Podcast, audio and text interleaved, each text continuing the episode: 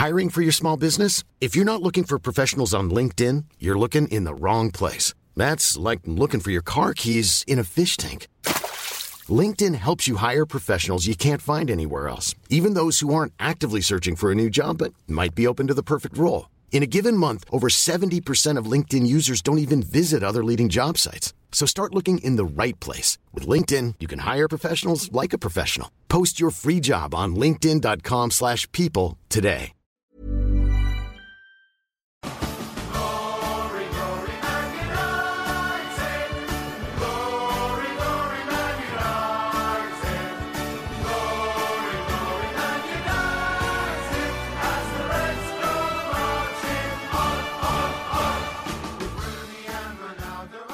Halo, balik lagi di Ganteng-Ganteng Manchester United Podcast bersama kita bertiga. Dan pada kesempatan kali ini uh, kita akan bahas terkait dengan hasil yang didapatkan pada game week ketiga yang mana gue yakin semua atau sebagian besar dari fans MU agak sedikit campur aduk perasaannya kan. Senang karena dapat tiga poin gitu kan, finally gitu kan. Tapi sedih karena kita ngelihat permainan di babak pertama utamanya ya itu bahasa ancur-ancuran gitu kan. Dan kita tahu lah siapa ya orang yang perlu bertanggung jawab atas permainan MU dan masalahnya si orang ini hampir ngebuat MU kejebolan gitu kan di menit awal ya. Nanti kita akan bahas gimana kronologi dan apa yang kemudian poin-poin menarik yang bisa diambil ada kenapa? Karena jujur uh, setelah ini kan kita ada winter, uh, sorry, ada international friendly dulu kan, sampai kalau lebih dua minggu, baru balik lagi kita uh, di game week keempat yang di mana CR mungkin akan di uh, apa di unveil lah di Old Trafford gitu. Nah, gue pengen dengar dari Saung gitu. Apa yang lu bisa tangkap Bung dari kemenangan dramatis tapi ala-ala drama kemarin dong? Ngantuk gue nontonnya stres banget bro. Kayak itu uh, ini tiga match ya. Tiga match hmm. pertama ini adalah yang terburuk Ben. Hmm, iya. menurut gue ya secara permainan MU tuh sama sekali nggak bisa build up dari belakang. Entah uh, setelah bola dipegang Varane sama Guire tuh di tengah tuh pasti hilang hmm. gitu. Makanya kan beberapa kali kita sempat ngobrol kan kalau MU lawan Wolf itu midfield harus beneran ready gitu. Kita tahu sendiri Ruben Neves uh, skillsnya seperti apa gitu. Moutinho gitu kan. Adam aja lari-larian gitu. Bener-bener di mana aja gitu kan. Alhamdulillahnya ya dia tuh end produknya tuh kacrut. Iya. Si Adama ini. ini andai kan, andai kan dia punya let's say 30% dari end produknya Muhammad Salah gitu. Hmm. He's the best player in the league already man menurut gue. Se selicin itu si Adama Traore gitu. Makanya ngelihat Fred di, dan Pogba di tengah itu sakit mata gue cuy.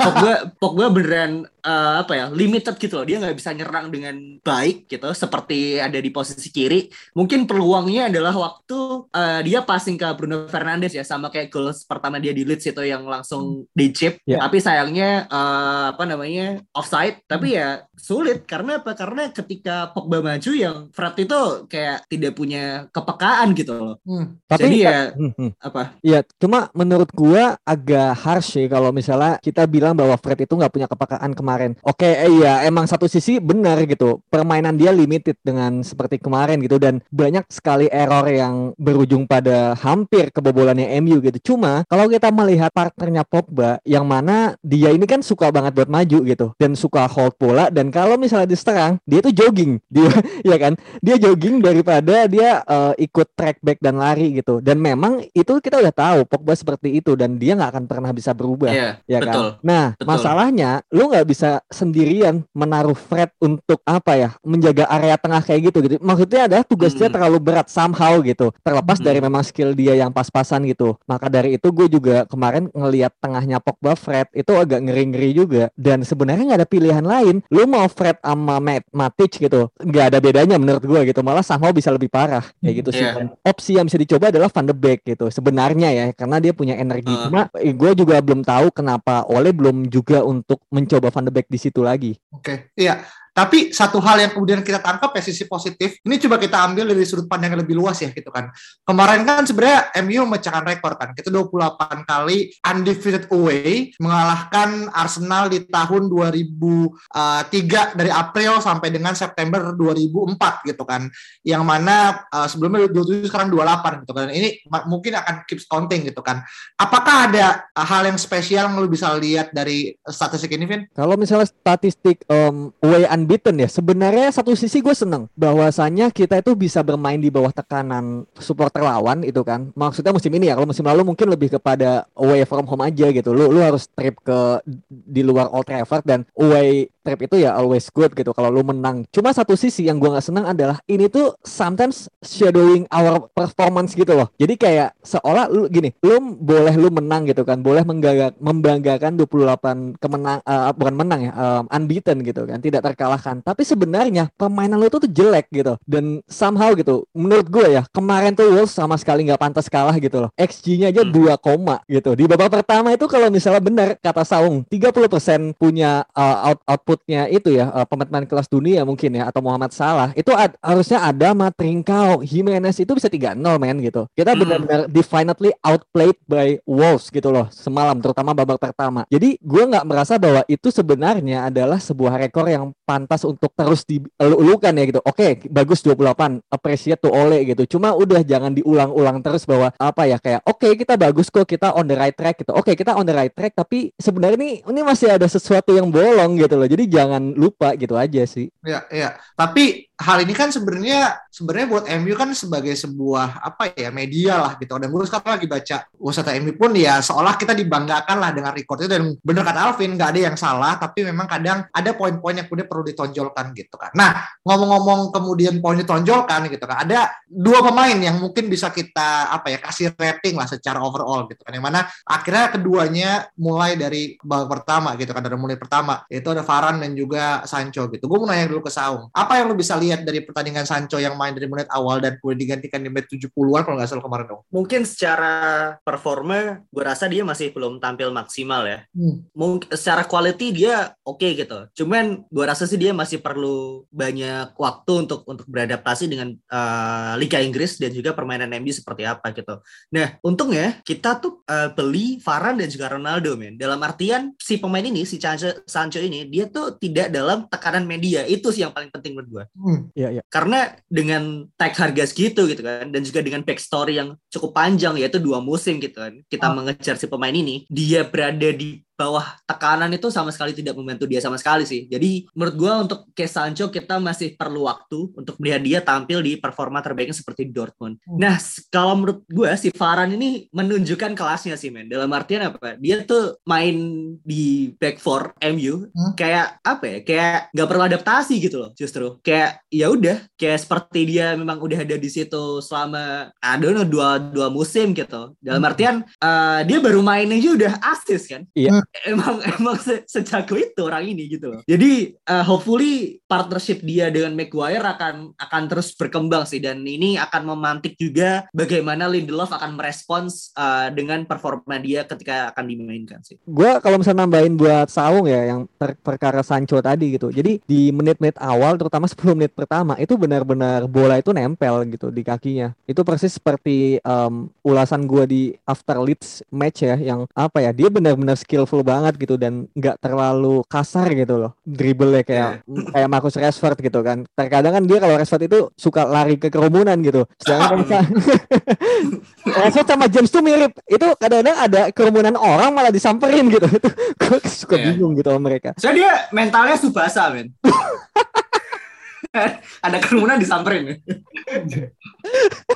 yeah. dan Sancho ini apa ya halus gitu loh kayak kayak ular gitu. Cuma tinggal uh, gimana dia bisa combine dengan pemain-pemain MU untuk terutama untuk link up-nya ya. Karena kemarin dia di kanan sekarang di kiri gitu. Itu kan butuh adaptasi juga ya. Dan uh, seperti yang kita tahu kalau misalnya di kanan sama Wan Bisaka gitu yang link up-nya mungkin nggak bagus gitu. Itu itu mungkin challenge tersendiri tuh buat Sancho gitu. Dia bakal stress iya, gitu. setuju sih. Makanya uh, tadi gue bilang kayak untuk sisi technical atau skillnya sih gue tidak komplain gitu karena emang dia dia memang bagus di situ. Yang masalah adalah dia memang perlu adaptasi di uh, permainan MU dan juga bagaimana intensitas Liga Inggris itu sendiri sih. Dan dalam tiga match pertama kan dia masih main di posisi yang belum fix gitu. Dia main di kanan sama Wan Bisaka dia main di kiri sama Luke Shaw. Means dia belum punya chemistry yang begitu kuat gitu dengan dua fullback itu kan. Pasti. Jadi kayak masih masih nunggu siapa nih gue yang maju atau lo yang mau track back nih atau lo yang mau ikutan tag nih kayak gitu gitu loh. Jadi yeah. kayak untuk membandingkan dengan dengan Sancho yang di Dortmund gitu. Itu bahkan masih belum menurut gue. Hmm. bahkan untuk uh, ngelihat partnership si Rashford dengan Luke Shaw musim lalu pun itu juga masih it's, it's still a long way gitu. Jadi kita masih perlu waktu untuk untuk melihat bagaimana Sancho ini uh, berkembang sih musim ini. Benar benar benar. Dan gitu terkait Varan juga gue lihat dia itu kompos banget gitu. Dan apa ya bedanya sama Lindelof tuh kayak dia tuh kayak udah menguasai field aja. Dia menguasai pertandingan seolah tuh kayak gitu. Dia mengambil alih tugas sama Guire dia bisa dribble dia bisa passing bisa long pass juga gitu. Dia benar-benar seorang back yang ya emang kita datangkan dari juara Liga Champions kayak gitu. Dan gue agak kaget juga bahwa dia seolah sudah bermain lama ya di MU eh, di pertandingan kemarin. Cuma emang pas uh, sundulannya Romain Size itu emang agak kaget gitu kalau ternyata dia yang miss gitu. Gue kira tuh Wan Bisaka atau Fred gitu kan. Tapi gue wah anjing Farhan cuy di out jam gitu sih. Jadi emang agak bangsat sih Romain Size ini. Iya uh, dan Liga Inggris kan salah satu liga paling kompetitif gitu musim uh, musim ini kan dibandingkan liga-liga yang lain gitu. Mungkin yeah. dia cukup kaget gitu melihat yeah. bagaimana intensitas permainan Wolf dan juga bahkan tim seperti West Ham atau Aston Villa atau Burnley itu benar-benar bisa mengapa ya menguasai permainan gitu, mendominasi permainan bahkan lawan tim Big Six gitu kan. Mungkin uh, beda dengan La Liga di mana uh, Atletico, Barca dan Real Madrid yang lebih mendominasi gitu. Yeah. Jadi cukup kaget gitu bagaimana intensitasnya itu lebih kencang daripada ketika dia lawan let's say Celta Vigo atau Deportivo Alaves gitu kan.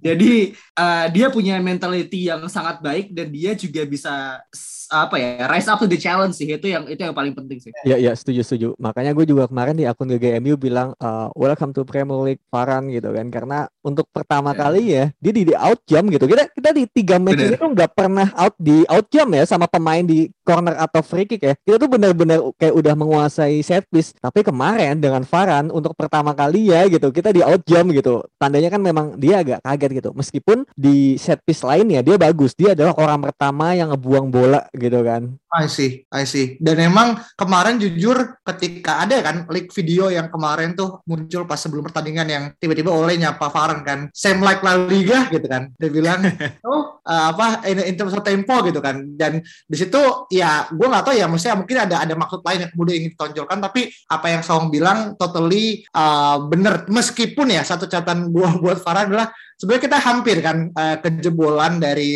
uh, set piece ini apa bola mati di uh, corner kan yang mana Varane kemudian hmm. uh, kalah body sama size gitu kan dan ini masuk ke pertanyaan gue berikutnya gitu kan hmm. De Gea back to the prime apa yang lu bisa tangkap dari kemarin Vin? Ya gue seneng banget gitu ya melihat uh, De Gea sebenarnya dari musim ini sih gitu dari pertandingan lawan Leeds kemudian Southampton kemarin juga uh, pertandingan pertandingan kemarin dia juga banyak save juga gitu dan di ini gitu di match kemarin itu benar-benar kita melihat De Gea yang kita kenal gitu. Penyelamatan ala yang apa ya? Penyelamatan yang bisa dibilang nggak mungkin kiper lain tuh lakuin. Ini cuma De Gea dan mungkin kiper-kiper kelas dunia lain ya gitu. Yang mana hmm. tadi ya sundulan size. Itu second saves-nya itu almost impossible gitu. Semua punit di luar tuh bilang almost impossible gitu. Karena ya yeah. buset itu refleksnya 99 kali gitu ya kan? Dan itu kalau Dean Henderson kebobolan itu pasti gitu. Cuma um, satu catatan gitu sebenarnya oh, satu catatan positif sebenarnya. Kalau misalnya uh, kita ingat itu ada momen di mana Wolves itu sempat long ball ke depan gitu dan yang gue kaget itu De Gea itu keluar dari sarangnya dan dia ngebuang bola gitu. Itu kan jarang banget dilakuin oleh De Gea gitu selama ini. Biasanya tuh kiper-kiper yang sweeper kiper tuh kayak Dean Henderson itu yang bakal maju tuh buat nyapu gitu. Cuma pada akhirnya mungkin gitu dia belajar bahwa kalau misalnya dia mau benar-benar mematenkan nomor satu di MU, dia harus lebih baik lagi dari Dean Henderson gitu. Dan terutama di bagian sweeper kiper dan juga mungkin membangun serangan nantinya. Gua gua gua mau melihat nih bagaimana De Gea belajar. Iya Iya, karena uh, eh, gue sempat baca interview oleh dia bilang De Gea ini datang lebih awal, ya kan, waktu preseason kemarin dan dia bilang I will cut short my holiday and I will start training gitu. Hmm. Di situ mungkin oleh menangkap bahwa ini orang itu memang pengen berada di performa terbaiknya gitu. Dia sangat tahu betul bahwa performa dia musim lalu itu sangat-sangat buruk gitu ya.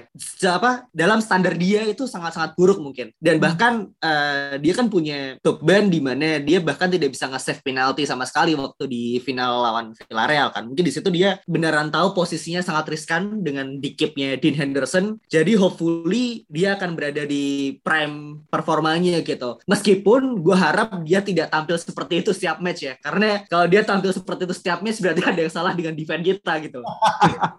ya kan? Ya, Karena kita sudah sudah tidak berada dalam zaman Jones dan Smalling lagi nih gitu kan. Ya ya ya ya.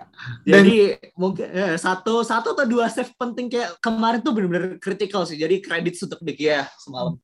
Dan juga sebenarnya kredit itu kan datang dari semua pihak ya. Bahkan Edwin van der Sar dan juga Peter Michael pun sempat nge-tweet juga yang nge-tag De Gea juga kalau teman-teman lihat gitu kan.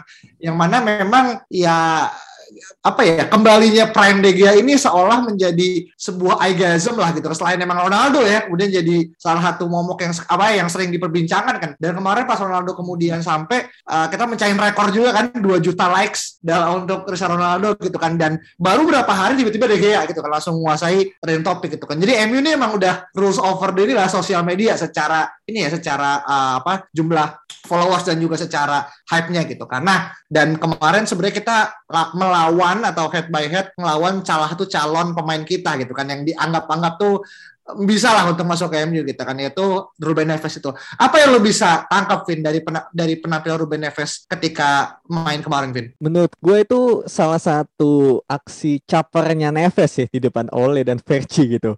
Dan dan apalagi gitu, gue melihat bahwa Neves ini bermain sangat prima dan passing-passingnya dia, long pass diagonal dia gitu kan dari tengah ke kanan ke kiri gitu. Itu adalah benar-benar bentuk passing yang kita inginkan di MU gitu dan itu enggak nggak ada gitu. Selain oleh Matic yang bisa melakukan itu itu nggak ada yang bisa. Paling cuma Pogba. Dan hmm. memang pada akhirnya sangat terekspos lini tengah kita ketika dibandingkan dengan lini tengah Wolves gitu yang benar-benar isinya Neves dan Moutinho. Itu dua dua dua Portugal itu kan memang dua tipe yang sangat bisa controlling the game gitu. Melawan dua gelandang kita Pogba dan Fred yang mungkin tidak bisa control the game gitu. Pogba mungkin butuh some protection gitu kan dan Fred tidak bisa memberikan itu gitu. Jadi benar-benar di sini Neves menunjukkan menunjukkan kelasnya bahwa dia sebenarnya pantas untuk naik ke level yang selanjutnya gitu. Dan kita juga bisa melihat betapa vokalnya dia gitu di lapangan gitu. Dia dia bisa menginstruksikan temannya untuk harus ke mana, kemudian dia kontrol the game, kemudian juga dia diberikan ban kapten di babak kedua ketika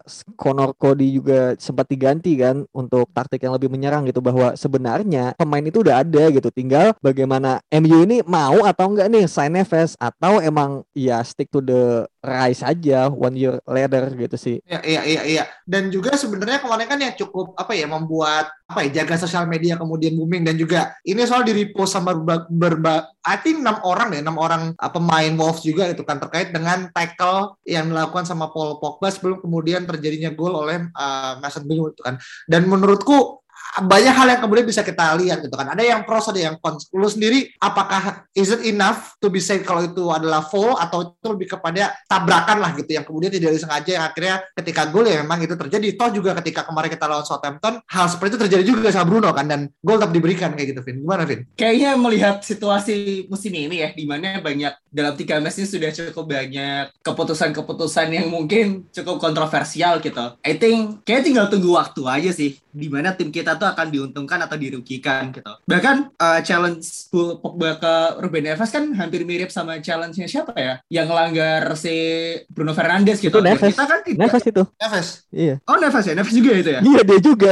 iya makanya dan kita tidak bereaksi apa pun kan. Iya iya. Gitu itu sih jadi uh, tinggal tunggu aja nanti tanggal mainnya apakah kita akan di sisi yang dirugikan atau diuntungkan. Iya iya dan kemarin mungkin kenapa kita nggak react ya karena nggak ada. Menang.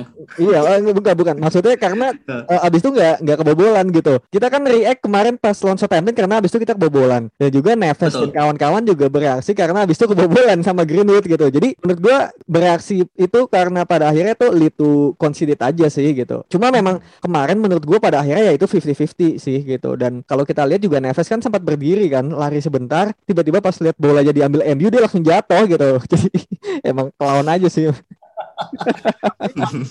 si caper ya Vin iya itu caper itu bagian dari kan tapi, itu mirip, iya. mirip Bruno Fernandes kan suka kayak gitu kan jadi biar iya nih mirip nih memang daerah Portugal seperti itu ya tapi shit house-nya boleh lah. Jadi kalau misalnya mau dibeli, I'm not complaining, man. Greenwood juga kayak gitu. Pogba lu lihat babak kedua coba. Tiba-tiba iya, kakinya pegel gimana. sejak sejak Andre Herrera tuh hampir tidak ada yang situasinya kayak gitu sih menurut gue.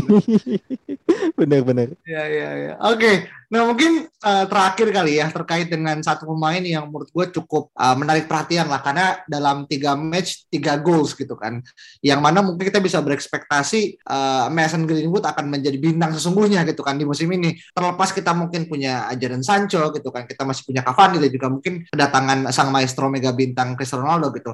Apa yang kemudian lu bisa lihat perkembangan day by day dari Mason Greenwood dari mulai game pertama sampai ketiga ini Om? Wah, Mason Greenwood ini salah satu talent yang menurut gue uh, diciptakan environmentnya sebegitu baiknya oleh oleh Gunnar Solskjaer sih. Hmm. Mulai dari musim lalu di mana dia diserang media gitu kan dan bagaimana oleh melindunginya dan juga mulai bagaimana uh, Edinson Cavani didatangkan untuk menjadi mentor. Sekarang Cristiano Ronaldo itu didatangkan juga untuk uh, selain mentalnya juga untuk mementor si Greenwood ini juga gitu loh. Hmm. Jadi uh, tiga match tiga goal ini sudah apa ya menjadi pembuktian bagi Greenwood ini memang benar-benar yang banyak orang bilang generational talent sih menurut gue. Jadi it's very exciting to see bagaimana dia akan uh, mencetak banyak rekor I think dan mencetak banyak gol juga sepanjang musim ini dan gue yakin musim depan dia akan menjadi pemain yang benar-benar berbeda sih bagi Manchester United. Hmm, I see. Jadi buat teman-teman di luar sana yang mungkin masih berani-beraninya membandingkan Mason Greenwood dengan Martinelli ini harus disentil kayak ini. Aduh bro, Martinelli. Ya iya, uh, Martinelli tuh kalau Kante nggak kepleset nggak punya karir sih menurut gue. Mohon maaf teman-teman Arsenal, I'm just trying to say the truth ya. Coba ya ya ya ya uh, uniknya ya gol-gol Mason Greenwood ini di tiga match ini tuh benar-benar dari angle yang berbeda. Maksudnya dari posisi yang berbeda ya. Jadi pas lawan Leeds dia tuh cetak gol dari kiri, pakai kaki kiri ke hmm. ujung kanan ya kan. Terus kemarin lawan Southampton dia cetak golnya itu tipikal nomor 9. Dia ada di kotak penalti dan terima uh, assist dari Bruno ya atau Pogba gitu, gue lupa. Ya kan, itu tipikal nomor 9 banget. Dan kemudian kemarin lawan Wolves itu dari kanan, pakai kaki kanan dan ya nggak ke ujung kiri sih, tapi benar-benar kencang gitu. Jadi back itu benar-benar clueless bahwa ini orang mau tendang kaki kiri apa kaki kanan gitu loh. Itu mereka tuh nggak akan pernah tahu gitu karena keduanya sama kuat dan sama kencangnya. Sama ini ada ada satu rekor yang tidak penting sih, tapi dia pemain pertama yang mencetak gol di tiga jersey berbeda. Jadi mungkin performa Greenwood awal musim ini ya itu yang menjadikan Ole itu memang sudah mantap dia tuh emang harus starting gitu dan uh, mungkin ini juga menjadi faktor bahwa Daniel James akan di offload sih bursa transfer musim ini. Iya iya iya iya. Ya. Uh, jadi meskipun kita kita ini ya kemarin menang 1-0 gitu, cuma kita tetap nggak boleh lupa bahwa kita nggak bisa build up dari tengah. Itu gue masih nggak tahu ya, emang instruksi Ole atau memang pemainnya nggak bisa gitu. Pemain ini maksudnya Fred dan Pogba ya. Itu kalau kalian lihat di timeline Twitter ya, itu ada banyak capturean yang ngasih unjuk bahwa kita tuh di tengah benar-benar bolong, kosong gitu. Di antara lima pemain Wolves itu nggak ada pemain. Pemain itu termasuk Bruno Fernandes itu nggak turun men. Dia benar-benar di depan sejajar sama Cavani gitu. Itu kan apa ya? Kayak bukan permainan yang seharusnya terjadi gitu. Cuma hmm. ya balik lagi gitu. Gua masih merasa bahwa um, mungkin ya mungkin ini adalah sebuah instruksi untuk ya kita ngebypass uh, kemungkinan kesalahan yang terjadi gitu karena ada adama gitu. Cuma memang ya gua gua gua, gua coba mau melihat gitu di pertandingan lawan Newcastle nanti gitu yang mana di home semoga ini tidak tidak terjadi lagi. Soalnya kalau ini terjadi lagi dan tim-tim lain bisa belajar dari Wolves dan Southampton kemarin, ini tentu bahaya banget men gitu. Apalagi kalau kita udah nggak punya DM bisa-bisa ini Karabau aja nggak dapet. Oke, okay. uh, eh, ya hopefully masih ada waktu untuk Ole melakukan perbaikan ya. Di mana gue rasa gue sempat baca-baca juga sih di ruang taktik juga menyebut bahwa struktur itu kan jadi PR juga kan buat Ole gitu. Yeah. mungkin sejak match lawan Villarreal sudah seperti itu gitu. Jadi uh, dengan kalau nggak salah ya, kalau nggak salah waktu international break besok akan ada match juga kan untuk MU. Oh apa tuh? Tapi tapi close door gitu bro. Gue oh. lupa sih. Gue sempat baca gitu. Jadi pemain-pemain yang tidak dipanggil mungkin akan dapat menit bermain juga gitu. Hmm. untuk menjaga intensitas permainan gitu kan. Ya dan itu menurut gue satu hal yang wajar ya uh, apalagi PR oleh dari musim lalu kan cukup banyak gitu kan. Meskipun sekarang kemudian kita dapat tambahan anum amunisi tapi gue yakin apa yang akan menjadi pekerjaan rumah oleh tidak hanya sekedar lu menambahkan squad depth atau menambah pemain bintang dalam squad lu tapi juga ada hal-hal yang sifatnya teknikal ada hal yang sifatnya lebih kepada formasi yang kemudian lu perlu adjust juga. Dan itu cara supaya untuk kemudian kita bisa dapat gelar adalah bisa menyeimbangkan semuanya gitu kan. Lu nggak all attack, tapi ketika lu defense lu paham gimana akhirnya membangun membangun sebuah pertahanan dan juga ketika kita build up ada link up yang akhirnya sangat-sangat baik dari mulai belakang, tengah sampai ke depan. Ya, betul. Dan juga mungkin uh, terakhir dari kita uh, buat teman-teman yang kemudian sekarang udah mendengarkan dan mungkin belum follow uh, GGMU di podcast di Spotify, teman-teman silakan follow aja dan sampai jumpa pada pertemuan berikutnya. Dadah.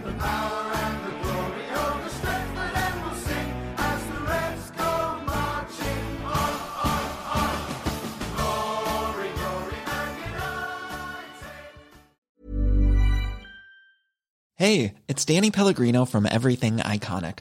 Ready to upgrade your style game without blowing your budget? Check out Quince. They've got all the good stuff shirts and polos, activewear, and fine leather goods, all at 50 to 80% less than other high end brands. And the best part? They're all about safe, ethical, and responsible manufacturing. Get that luxury vibe without the luxury price tag. Hit up quince.com slash upgrade for free shipping and 365 day returns on your next order. That's quince.com slash upgrade.